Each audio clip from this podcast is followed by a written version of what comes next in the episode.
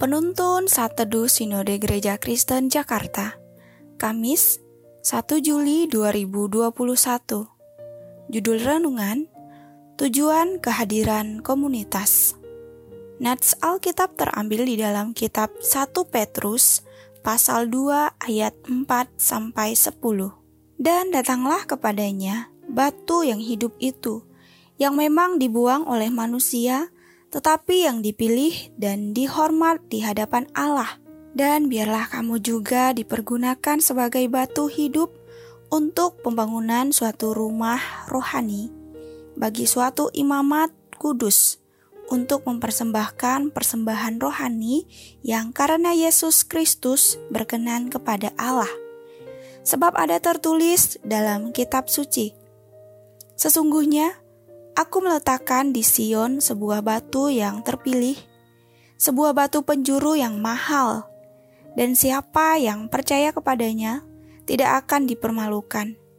Karena itu, bagi kamu yang percaya, ia mahal, tetapi bagi mereka yang tidak percaya, batu yang telah dibuang oleh tukang-tukang bangunan telah menjadi batu penjuru, juga telah menjadi batu sentuhan dan suatu batu sandungan. Mereka tersandung padanya karena mereka tidak taat kepada firman Allah, dan untuk itu mereka juga telah disediakan. Tetapi kamulah bangsa yang terpilih, imamat yang rajani, bangsa yang kudus, umat kepunyaan Allah sendiri, supaya kamu memberitakan perbuatan-perbuatan yang besar dari Dia yang telah memanggil kamu keluar dari kegelapan kepada terangnya yang ajaib.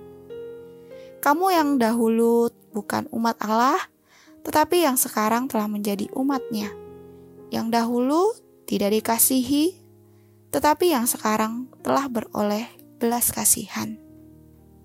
Menjadi bagian dari komunitas rasanya bukan hal yang asing bagi kehidupan saat ini dengan kemajuan teknologi dan kehadiran media sosial, setiap kita bisa menjadi bagian dari suatu komunitas dengan sangat mudah.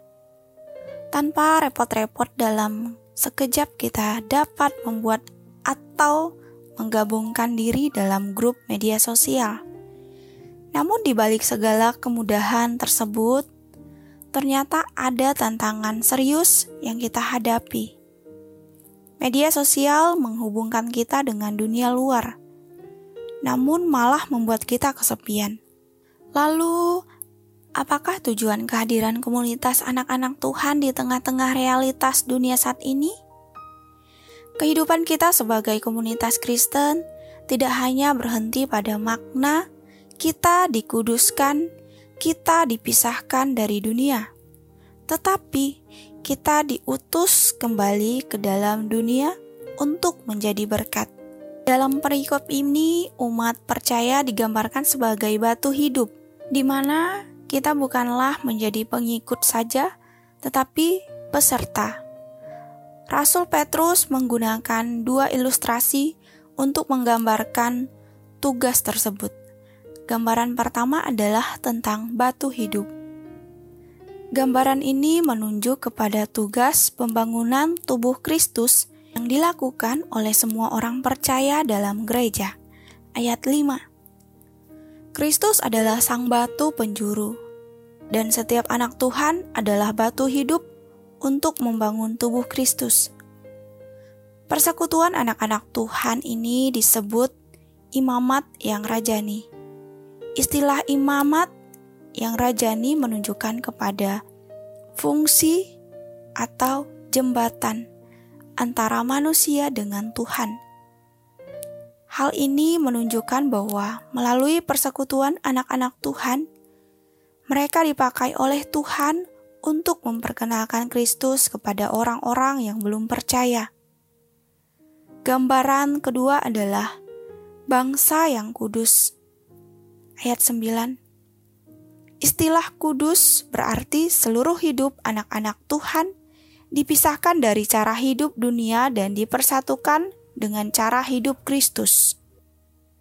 Dengan demikian, hidup mereka akan menampilkan kualitas hidup surgawi. Hidup yang demikian akan menjadi berkat bagi banyak orang. Kita adalah komunitas anak-anak Tuhan yang telah ditebus dan dipersatukan di dalam Kristus, Sang Batu Penjuru.